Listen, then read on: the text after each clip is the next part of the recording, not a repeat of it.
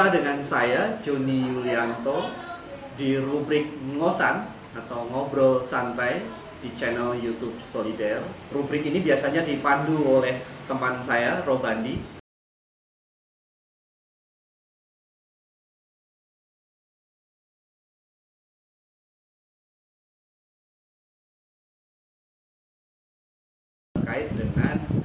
Dikeluarkannya peraturan presiden nomor 68 tahun 2020 tentang Komisi Nasional Disabilitas atau KND.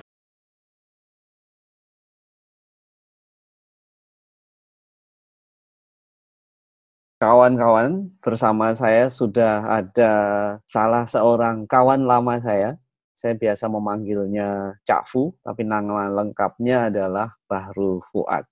Nah, beliau seorang difabel dengan apa cerebral palsy yang saat ini menduduki uh, Komisi Nasional Hak Perempuan, jadi Komnas Perempuan, tetapi beliau sudah panjang melalui pengalamannya sebagai aktivis difabel.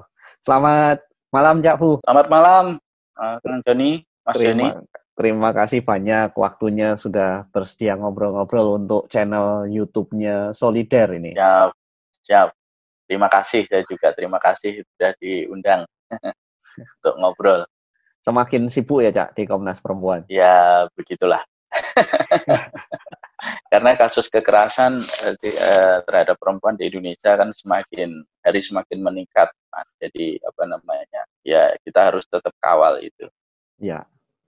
Nah, ini terima kasih sebelumnya Cak sudah meluangkan waktu dan seperti obrolan kita sekilas di WA, itu kita ingin apa, berbincang terkait dengan topik yang hangat dalam pergerakan difabel, ya. itu yang baru saja lahir peraturan presiden nomor 68 tentang Komisi Nasional Disabilitas. Tapi sebelum itu tolong dong Cak perkenalkan diri dulu dan sedikit cerita mengenai pengalaman aktivisme Cak Fu di pergerakan difabel. Ya, baik. Terima kasih, eh, Mas Joni. Jadi, uh, sebelum menduduki uh, sebagai komisioner, salah satu komisioner di Komnas uh, Perempuan, saya awalnya itu berangkat uh, dari aktivis uh, gerakan disabilitas sama sebagaimana Kang Joni juga. Jadi tahun 96 saya sudah mulai melakukan advokasi uh, untuk hak-hak uh, teman-teman difabel mulai dari Jombang. Jadi tahun 96 masih kuliah itu saya mendirikan Ikatan Penyandang Cacat. Zaman dulu kan namanya itu Ikatan Penyandang Cacat Jombang 96. Terus kemudian uh, saya uh, aktif di dalam gerakan kalau dulu ada namanya KAPCI ya Komite Aksi uh, Komite Advokasi uh, apa namanya penyandang uh, cacat Indonesia. Nah, kemudian saya pernah juga duduk sebagai uh, salah satu eksekutif di Dewan Nasional Penyandang Cacat Indonesia itu sekitar tahun 2000-an dan ya setelah itu kan uh, kita sama-sama dapat beasiswa itu Kang Joni jadi ya.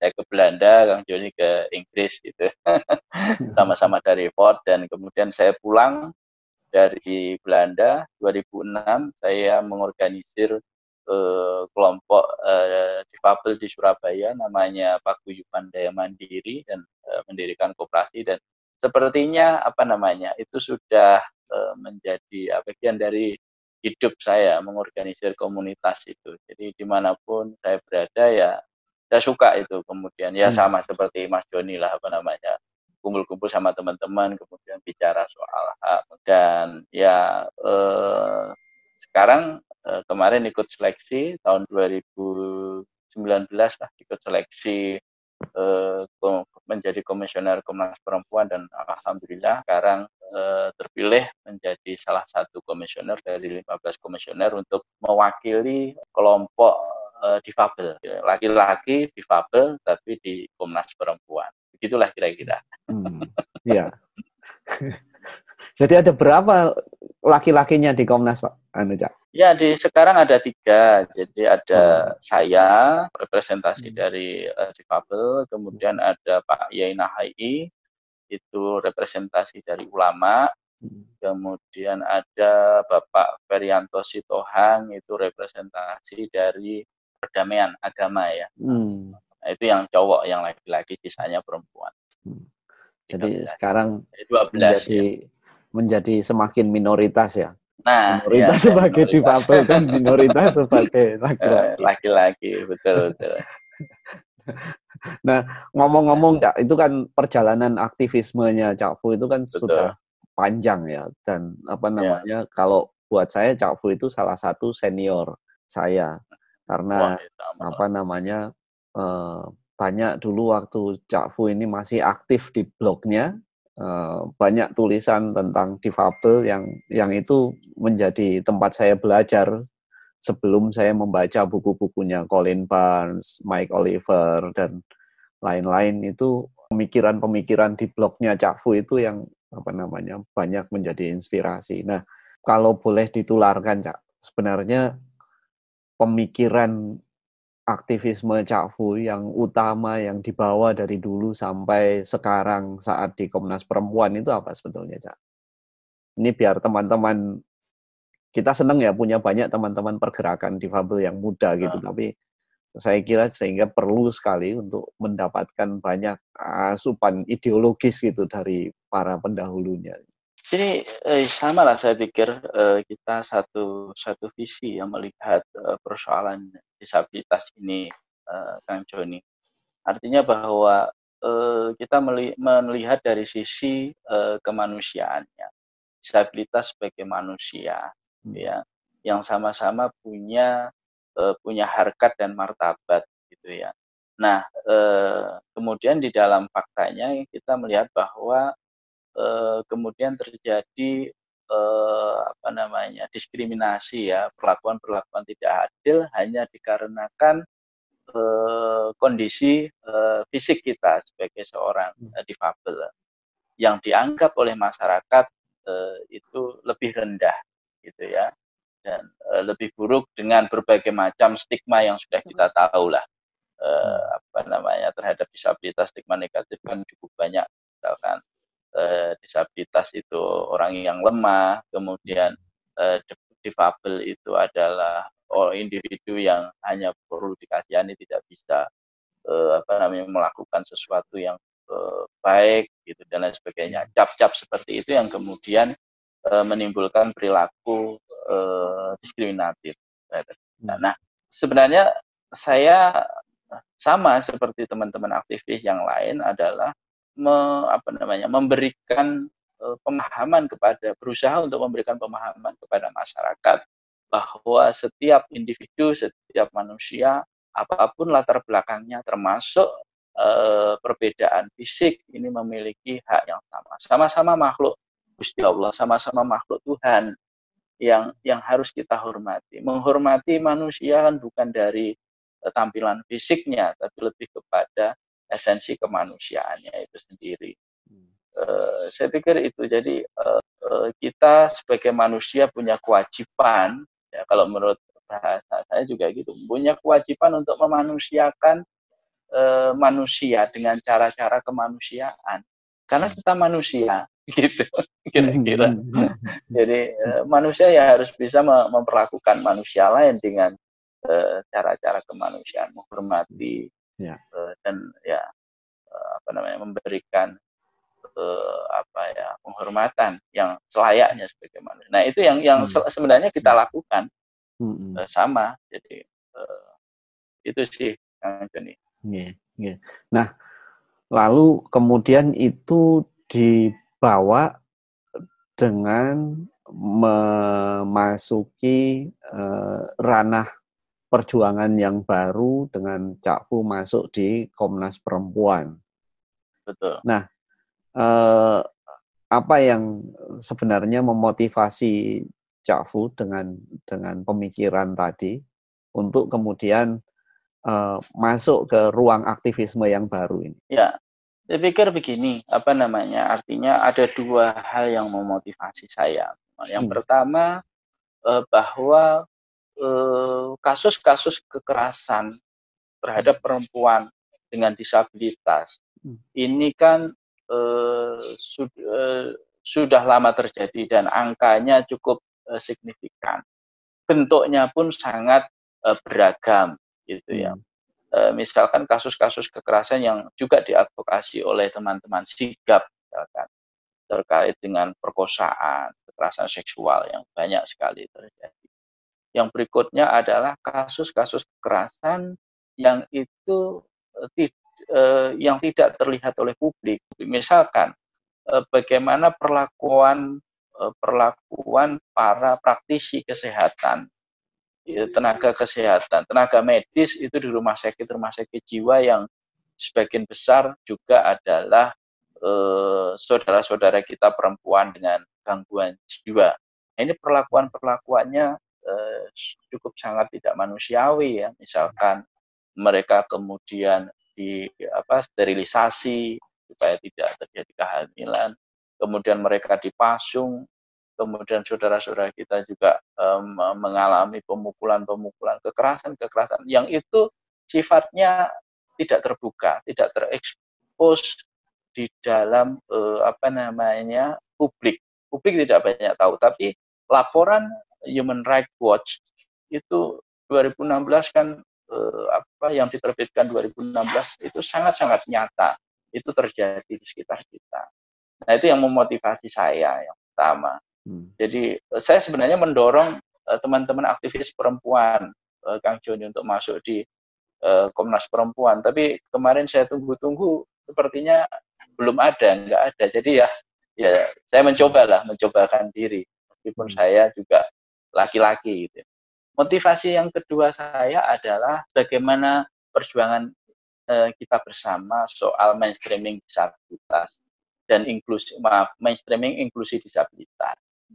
Itu artinya kan eh, kita harus eh, memastikan bahwa semua kebijakan yang dibuat oleh lembaga negara khususnya itu memiliki perspektif disabilitas.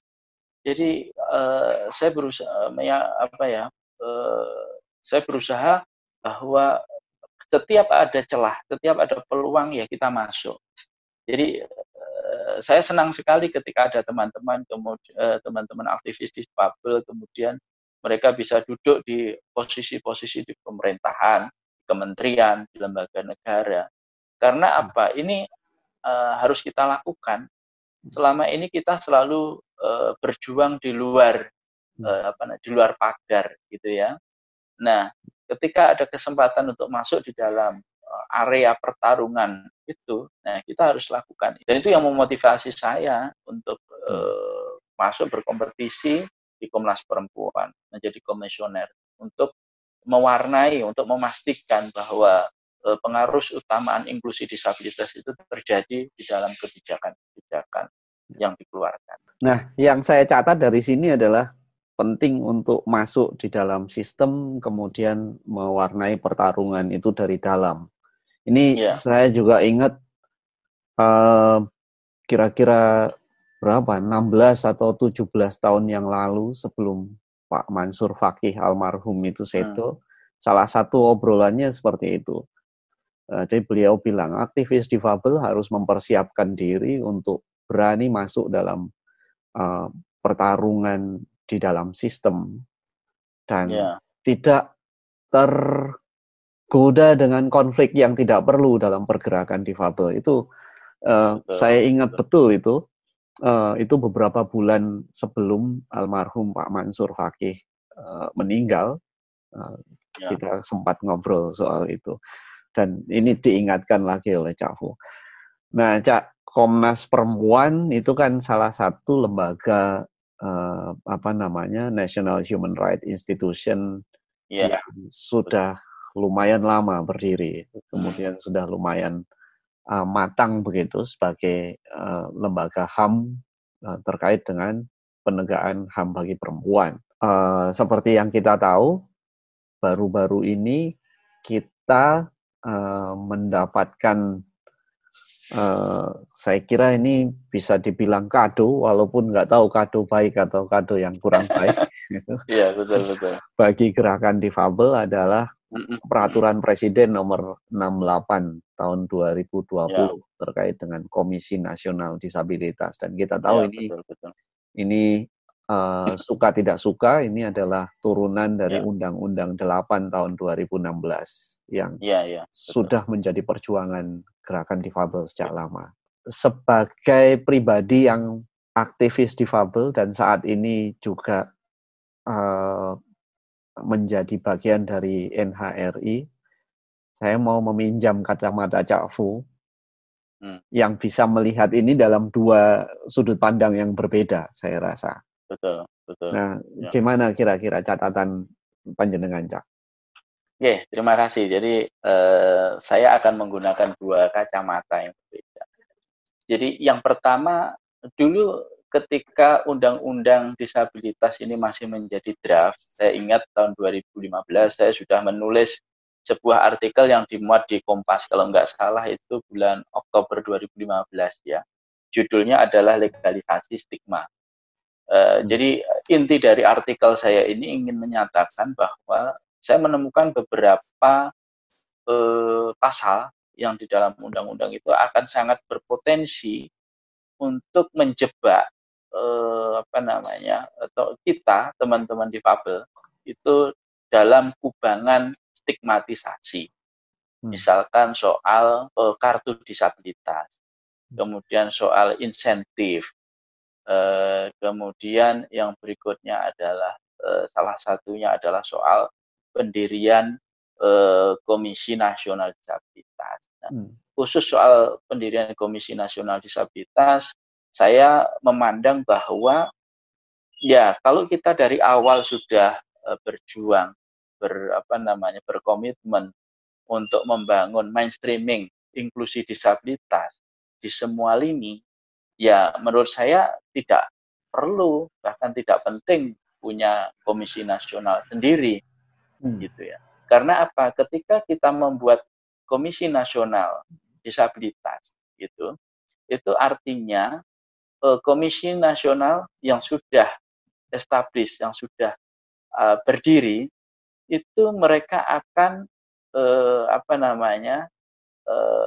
dalam tanda petik akan menyerahkan persoalan-persoalan disabilitas itu kepada Komisi Nasional Disabilitas dan mereka tidak akan e, memberikan ruang atau tidak punya e, komitmen keinginan untuk masuk e, mempelajari e, kemudian e, apa namanya masuk untuk apa ya menggali lebih dalam soal isu-isu disabilitas itu ya hmm. jadi e, 2015 dulu memang saya tidak sepakat dengan adanya usulan dari teman-teman untuk mendirikan Komisi Nasional Disabilitas karena menurut hmm. saya itu inkonsisten terhadap hmm. uh, perjuangan pengarus utamaan inklusi disabilitas. Tapi pada akhirnya kan itu disahkan dalam undang-undang dan kemudian undang-undang itu menyatakan seperti itu, Cak. Bahwa sekarang ada perpresnya. Iya. Nah, apalagi sekarang ada perpresnya ini. Ya. Menjadi mandat gitu ya. Iya. Hmm karena ini sudah menjadi undang-undang, eh, saya sendiri juga sebenarnya eh, apa namanya, meskipun ada perpresnya juga harus eh, diterima dengan beberapa catatan ya, hmm. hati-hati. Jadi ini, saya, saya punya catatan untuk dengan, catatan untuk undang-undangnya dulu atau untuk perpresnya? Ya artinya begini, eh, sebenarnya saya masih eh, ya tidak begitu ya tidak setuju lah artinya KND ini ada sampai sekarang apa namanya kalau ditanya eh, apakah anda masih setuju ya menurut saya tidak setuju tetap tetap hmm. tidak setuju karena ini inkonsisten terhadap eh, mainstreaming apa pengaruh utama inklusi disabilitas tapi karena hmm. ini sudah menjadi eh, mandat dari undang-undang dan juga ada perpresnya maka ya silahkan itu dilaksanakan tapi teman-teman harus paham gitu ya hmm. bahwa uh, mendirikan uh, lembaga negara itu uh, akan apa namanya akan banyak menemui beberapa persoalan di dalamnya hmm. Hmm. yang sebenarnya pengalaman saya misalkan di, di Komnas Perempuan itu ternyata hmm. banyak uh, waktu dan energi kita itu tersita juga untuk hal-hal yang sifatnya administratif, apalagi ini lembaga kenegaraan. Hmm. Jadi uh, macam-macam lah administratif itu soal politik apa namanya budget gitu ya, budget hmm. uh, polit, apa namanya politik anggaran gitu ya, kemudian hmm. Hmm. Uh, yang terkait dengan program terkait dengan laporan hmm. hal-hal yang sebenarnya uh, ya bisa dikatakan berbeda kalau kita misalkan jangan dibayangkan ini seperti uh, sikap misalkan gitu kan ya. yang yang NGO gitu ya yang kemudian kita bikin program ya udah kita desain kita jalankan enggak kalau lembaga hmm. negara ada aturan-aturan yang harus dipenuhi dan menurut saya itu menguras cukup banyak energi gitu ya. Hmm. yang pertama hmm. yang berikutnya adalah soal ini kan lembaga negara jadi kita harus hmm. tahu bahwa kewenangan dari eh, dari lembaga HAM nasional itu hanya sebatas memberikan rekomendasi, Kang. Hmm. Jadi jangan ada bayangan ekspektasi atau harapan yang terlalu besar. Gitu. Misalkan hmm. kalau ada eh, orang, individu atau lembaga yang melanggar tidak menjalankan undang-undang disabilitas, kemudian eh, apa namanya bayangannya KND ini kemudian bisa mengeksekusi, menangkap atau apa pun enggak. Jadi hmm. hanya bisa memberikan surat rekomendasi. Yang namanya surat rekomendasi itu kan dijalankan ya alhamdulillah itu ya. Hmm. Enggak dijalankan juga enggak apa-apa namanya juga rekomendasi. Jadi eh, apa namanya misalkan seperti Komnas HAM, misalkan Komnas Perempuan, Komnas Perlindungan Anak itu outputnya adalah surat rekomendasi ketika hmm. menemukan berbagai macam pelanggaran. Jadi saya menurut saya lembaga komisi nasional yang yang bisa melakukan uh, pekerjaan yang lebih daripada itu adalah saya pikir ya KPK lah ya yang kemudian bisa melakukan penangkapan dan sebagainya. Hmm. Jadi kalau Komnas HAM, Komnas Perempuan, Komnas Perlindungan Anak dan apalagi nanti Komnas uh, Komisi Nasional Disabilitas, saya pikir hanya outputnya hanya bisa memberikan surat rekomendasi.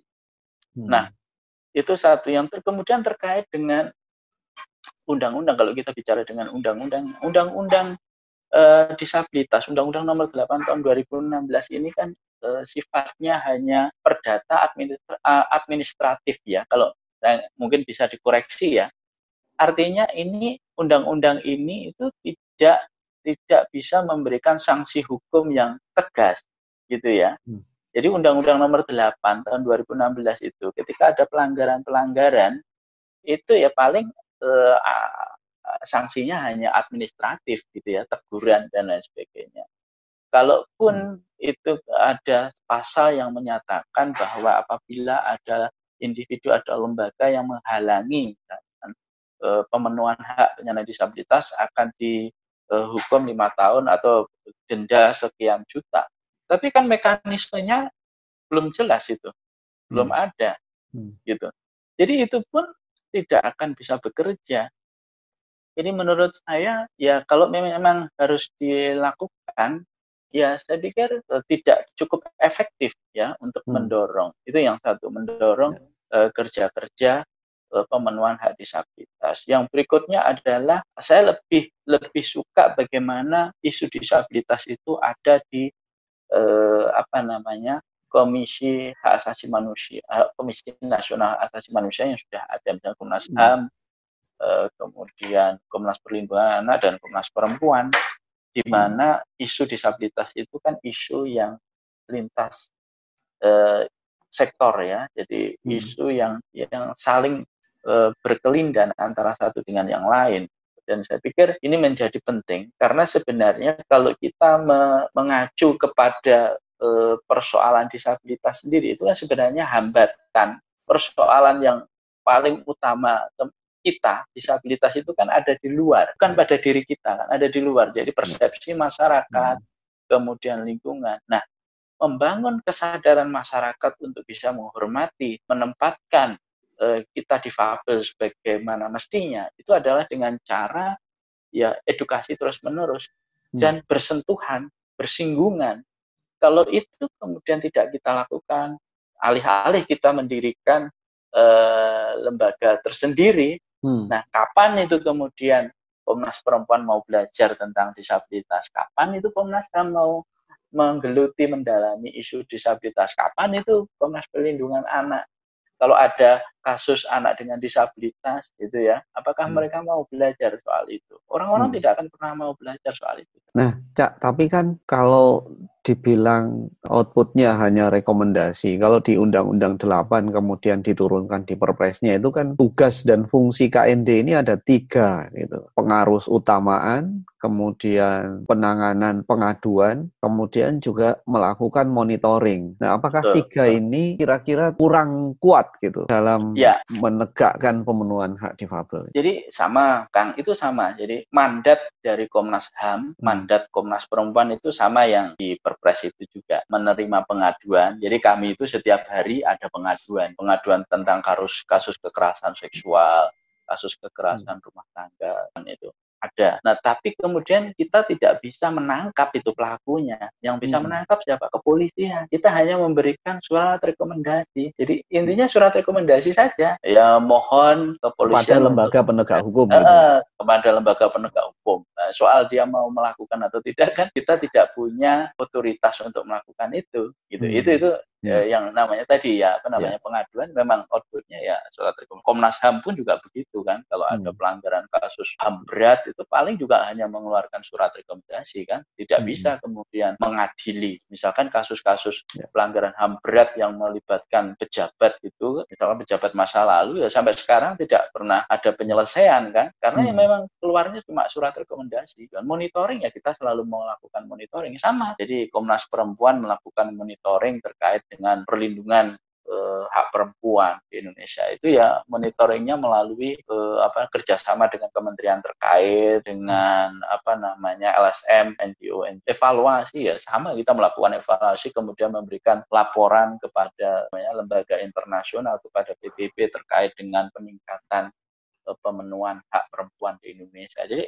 ya ya ya begitu edukasi publik melakukan hmm. pendidikan publik kenapa itu kok justru tidak bisa dilakukan oleh lembaga-lembaga ham yang sudah ada saya pikir itu akan lebih lebih hmm. bagus karena apa mereka akan belajar dan mendalami isu disabilitas kalau memang tujuan kita konsisten untuk membangun inklusi ya. supaya eh, para pejabat yang bukan disabilitas itu lebih paham, lebih mengerti, dan lebih peduli. Kalau ini enggak, saya bayangan saya begini loh. Kalau nanti ada kasus pelanggaran kasus kekerasan terhadap perempuan disabilitas. Ini kalau sudah ada KND, Komnas Perempuan akan bilang ya sudah itu ditangani oleh Komnas Disabilitas gitu loh. Jadi ya. orang-orang Komnas Perempuan ya merasa tidak perlu lagi belajar soal isu disabilitas. Lah sekarang aja berat kok Mas Yan mengedukasi mereka betapa ya pentingnya mainstreaming disabilitas lah kok kemudian kita ini bikin sendiri ya malah mereka malah jadi nggak merasa nggak perlu gitu lah mau sekarang aja yang kita sudah masuk kita semua mengadvokasi di bagaimana ran disabilitas masuk di dalam ran HAM gitu ya supaya hmm. orang-orang Komnas HAM itu juga mau mengerti soal disabilitas itu hmm. saja juga kita belum belum pasti juga Komnas HAM itu kemudian e, menjalankan program itu dengan dengan baik gitu ya dan serius. Nah ini kemudian kita bikin sendiri. Kita pernah punya pengalaman punya anggota Komnas HAM dari difabel. Ya ya betul betul. Nah ada yang bisa direfleksikan nggak cak dari situ? Kalau saya sih sebenarnya keberadaan uh, salah satu kawan kita ya senior kita Pak Harudin Daming. Harudin Daming. Saya pikir juga uh, cukup bagus memberikan perspektif uh, disabilitas ya khusus Komnas Komnas HAM gitu ya. Tapi memang sayangnya itu kemudian tidak berkoneksi ya berjejaring dengan gerakan yang di bawah gitu. Jadi seakan-akan hmm. uh, terputus gitu ya apa hmm. namanya koneksinya antara yang uh, teman yang duduk menjadi komisioner dengan teman yang yang di grassroots gitu sehingga ini tidak berkesinambungan jadi kalau dulu bisa bisa dilanjutkan, saya pikir akan lebih bagus. Tapi hmm. eh, Komnas HAM cukup eh, apa namanya, cukup lebih punya perspektif eh, disabilitas ya akhir-akhir hmm. ini ya eh, kemajuan di Komnas HAM. Ya, artinya ada catatan terkait bahwa kemudian penting juga bukan hanya sekedar representasi, betul, tapi betul. juga ada koneksi antara gerakan koneksi gerakan betul. satu lagi cak tadi sudah sempat disinggung juga sebelumnya itu soal uh, kesibukan administrasi kemudian politik anggaran ya. uh, yang sempat Cak Fu ceritakan. Nah, sementara kalau di KND ini kan uh, salah satu yang menjadi kritik teman-teman adalah ini nanti uh, sekretariatnya menempel di Kementerian Sosial. Kemudian ya, ya. Uh, dipimpin apa sekretariatnya dipimpin eselon 2 ya. gitu. Kaitannya dengan politik anggaran apa kira-kira yang akan terjadi dengan ini karena Cak Fu pasti punya pengalaman dengan Komnas Perempuan yang strukturnya jauh lebih matang begitu dan bisa melihat ini. Ya, jadi eh, ini akan menjadi masalah juga ya ketika eh, apa tadi kesekretariatan itu di bawah kementerian gitu ya. Eh, karena apa itu nanti mau tidak mau secara administratif uh, membuat pelaporan dan lain sebagainya sekretariatan itu ya, tadi ya jadi hmm. itu hanya soal administratif aja tapi kalau kewenangan uh, tidak tidak menjadi soal sih sebenarnya kewenangan hmm. independensi itu sebenarnya secara secara legalnya tidak menjadi persoalan. Tapi kan yang namanya apa ya kang uh, ada ada hal-hal yang terkadang di luar dari yang yang legal gitu loh. Misalkan misalkan kalau gimana ya, uh, ya ya contohnya begini sejauh manakah kita ketika anggaran itu menempel di lembaga lain sejauh mana kita berani kritis terhadap lembaga yang ya, menempelkan itu gitu loh jadi hmm. Hmm. kan kemudian ya istilah Jawanya ada ewuh pakai ewuh lah apa itu bahasa Indonesia-nya apalah nah hal-hal semacam hmm. itu yang mungkin perlu diantisipasi berbeda lah kalau kita memang full independent gitu ya hmm. itu, itu akan sangat berbeda ini kan sebenarnya komisioner itu kan jabatan politik ya jadi hmm. artinya hmm. komisioner juga harus mampu melakukan yang duduk di komisi nasional itu yang kemudian lebih fleksibel uh, kemudian pintar melakukan lobby-lobby keterampilan itu sih sebenarnya hmm. karena itu jabatan politik bukan bukan jabatan apa namanya administratif ya atau hmm. sebagai pegawai bukan. Jadi ya pandai-pandai aja bermain politik di situ. Hmm. Seberapa independen sih cak komisioner itu terhadap sekretariat? Uh, komisioner itu kan sebenarnya uh, sangat independen karena strukturnya itu kan uh, sekretariat uh, sekjen itu kan di bawah komisioner aturannya. Nah, tapi kan kemudian uh, karena ini anggarannya akan menempel di kementerian lain gitu ya. Hmm. Nah, itu kan kemudian biasanya ada konflik-konflik kepentingan gitu ya. Hmm. Misalkan ya anggaran susah keluarnya dan sebagainya. Nah, ya. ini yang harus karena mungkin apa namanya uh, ada konflik apa kemudian ya komunikasi tidak jalan dan itu kan bisa menghambat konsentrasi. Hmm. Dan uh, kita akan uh, cukup banyak juga waktu tenaga dan pikiran kita tersita untuk hal-hal yang tadi menurut jenengan tadi sebenarnya konflik-konflik yang nggak penting. Nah ini nih kalau kita bekerja di lembaga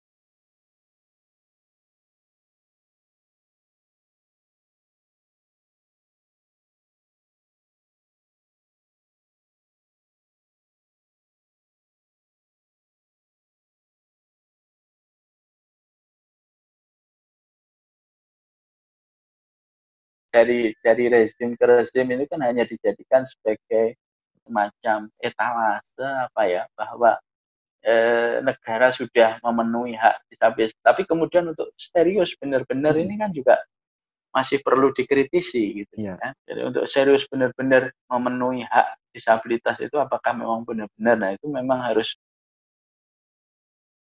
Ya. Jadi eh, kebijakan-kebijakan terkait dengan disabilitas ini kan kebijakan yang memang sepertinya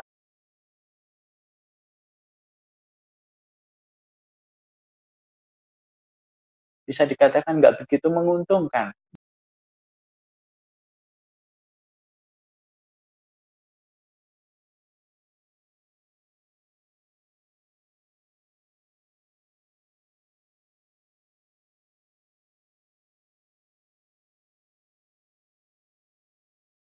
kita lihat dari dari rezim ke rezim kan yang cuma begitu saja hmm. kan. Yang lebih berbasis kepada misalkan charity masih masih sangat ketara dari kebijakan-kebijakan pemerintah. Kemudian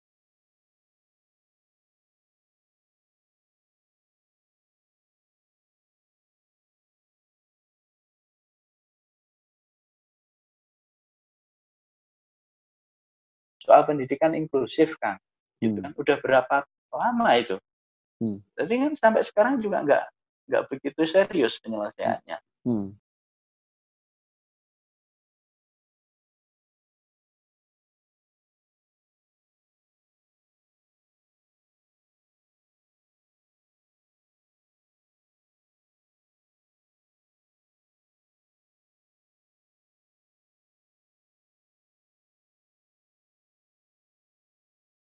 Ya. Maka menurut saya daripada uh, terkait dengan KND ini daripada kita gontok-gontokan gitu ya. Terus uh, konfrontatif dengan pemerintah yang saya khawatir justru malah kontraproduktif. Kita jangan terlalu pede ya disabilitas itu nggak begitu ini kok nggak begitu di apa diperhitungkan kok. Jadi keluar per, keluar perpres itu kan sebenarnya ya sudahlah daripada rame ini mandatnya ini keluarin aja lah gitu kan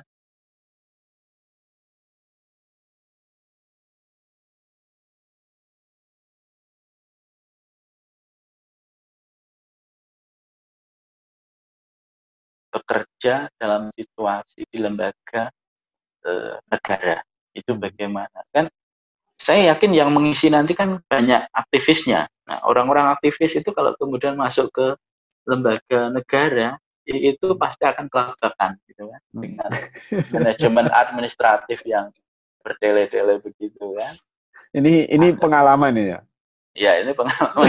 Jadi, kalau di kalau di LSM kita ini kan hari ini menganggarkan gitu besok keluar kan ya hmm. nah kalau di pemerintah itu kita menganggarkan ya tahun depan baru keluar hmm. padahal pinginnya segera gitu ya. dilaksanakan nah pinginnya segera dilaksanakan gitu nah, ya. tapi cak ini saya dengar rumor gitu ya rumor yang saya nggak tahu bisa dipertanggungjawabkan apa enggak gitu. uh, ada kan banyak kritik soal bagaimana pemerintah memperlakukan lembaga non struktural dan lembaga independen saat ini yang terkesan melemahkan gitu ya. KPK dan yang lain-lain. Kemudian eh, terkait KND ini ada rumor misalnya, oh ini ini ini soal bagi-bagi kue nih sudah ditetapkan yang akan jadi calon dan seterusnya. Eh, menurut Cak Fu, gimana dengan hal ini? Kemudian apa yang bisa dilakukan sebagai masyarakat sipil untuk mengawal kalau tadi misalnya arahnya adalah ya sudah yang ada ini kita terima dulu sambil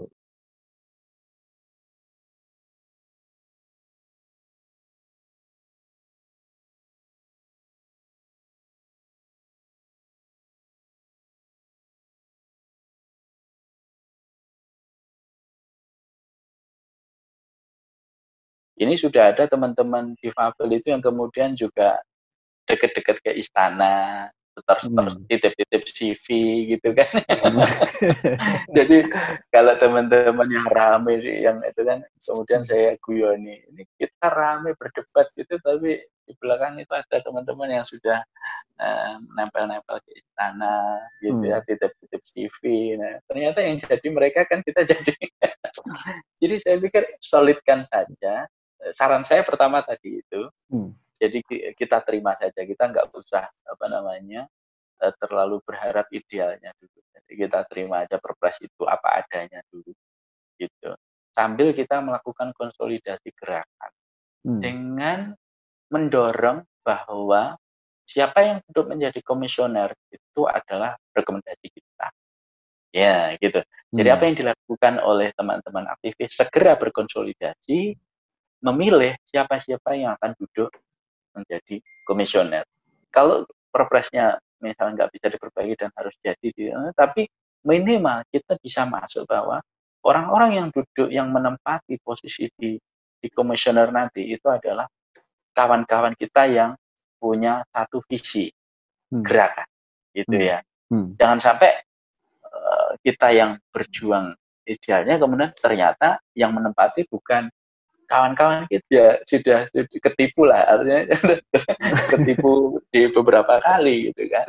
Iya iya iya. Ya, mau mencabut tidak mencabut perpres itu kan kewenangan dari presiden gitu lah. Hmm, jadi hmm. daripada nanti perpresnya kemudian dicabut dan tidak dikeluarkan lagi ya kita terima itu satu syarat saya. Tapi ya teman-teman gerakan melakukan konsolidasi dan segera aja misalkan merembuk siapa yang orang-orang eh, yang yang akan didudukkan di situ.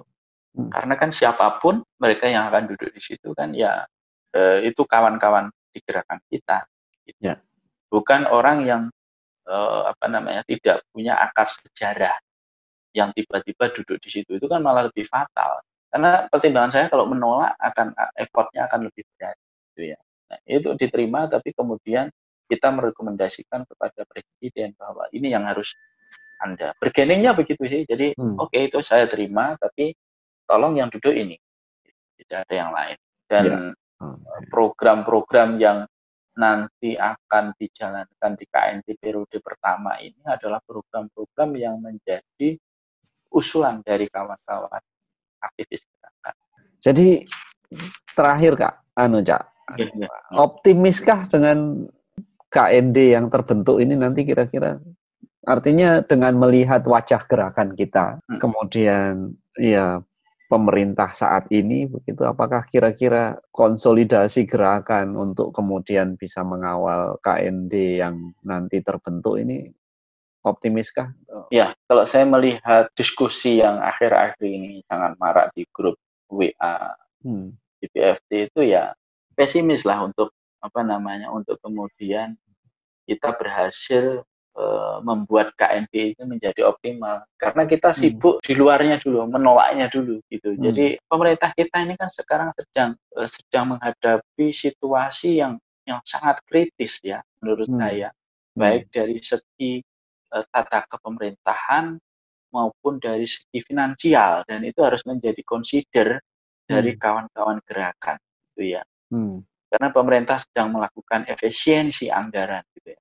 Mendirikan komisi nasional itu artinya pemerintah harus mengalokasikan dana yang tidak kecil. Jadi gedungnya, kemudian sekretariatannya dengan segala stafnya itu berapa banyak. Terus kemudian fasilitas komisioner dan sebagainya itu itu uh, alokasi budget yang tidak kecil. Hmm. Nah, e, kalau kemudian ini kemud, e, menjadi sebuah konflik yang berkepanjangan dan akhirnya pemerintah merasa ya sudah mendingan tidak penting, tidak perlu dan kita tiadakan, kita mainstreamingkan aja pada e, komisi nasional yang sudah ada ya. Ya mau tidak mau kita harus terima karena itu hmm. namanya kewenangan dari presiden. Nah, menurut saya politiknya yang itu tadi itu kalau kalau membaca hmm. situasi diskusi yang berkembang sekarang kan menolak Jokowi kan modelnya nggak mau berbelit-belit, nggak mau sibuk kan soal begitu. Hmm. nah itu. Jadi kalau menurut ya. saya ya, ya sudah diterima aja dulu. Lebih baik energinya itu kita gunakan untuk berkonsolidasi gerakan. Ya. Bagaimana kriteria siapa yang akan duduk itu kita bicarakan. Yang akan duduk di komisioner itu siapa saja, kriterianya apa, apakah itu representasi dari uh, wilayah, apakah itu representasi dari uh, jenis disabilitas itu juga juga akan menjadi diskusi yang sangat panjang itu kan. Hmm. Per, itu itu pertarungan yang lain lagi nanti hmm. yang yang juga akan bisa menimbulkan friksi-friksi di dalam uh, tubuh uh, gerakan teman-teman sendiri. Ya saya kalau berbasis pada apa namanya diskusi yang sekarang ada dan bahkan tuntutan untuk melakukan revisi menolak perpres itu saya menjadi pesimis. Hmm. ini akan akan ada dan bisa maksimal. Tapi kalau kemudian teman-teman berpikir uh, yang lain, ya melakukan konsolidasi, memberikan rekomendasi banyak hal terkait dengan KND. Ini kan sebenarnya kan permintaan teman-teman sendiri. Kemudian kalau hmm. kemudian diberi diberi dan tidak sesuai kemudian ditolak kan ya yang memberi bisa kecewa juga gitu. Itu sederhananya begitu. Hmm. Jadi udah minta dikasih katanya nggak sesuai terus ditolak ya.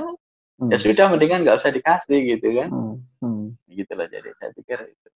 Oke, okay. jadi saya kira ini kuncinya memang soal apa kalau dari rekomendasi Cak Fu ini kuncinya soal konsolidasi gerakan, kemudian berpikir lebih uh, taktis begitu ya, supaya taktis. tidak kemudian responsif. Uh, ya. Ini tidak sesuai ditolak dan seterusnya, tapi kemudian memanfaatkan yang belum ideal ini untuk menjadikan lebih baik gitu kira-kira ya. Betul, betul, iya. Baik, terima kasih banyak Cak Fu. Tadi di awal saya bilang 30 menit, tapi rasanya semuanya menarik, jadi saya ya. tidak berani nengok jam. terima kasih, terima kasih.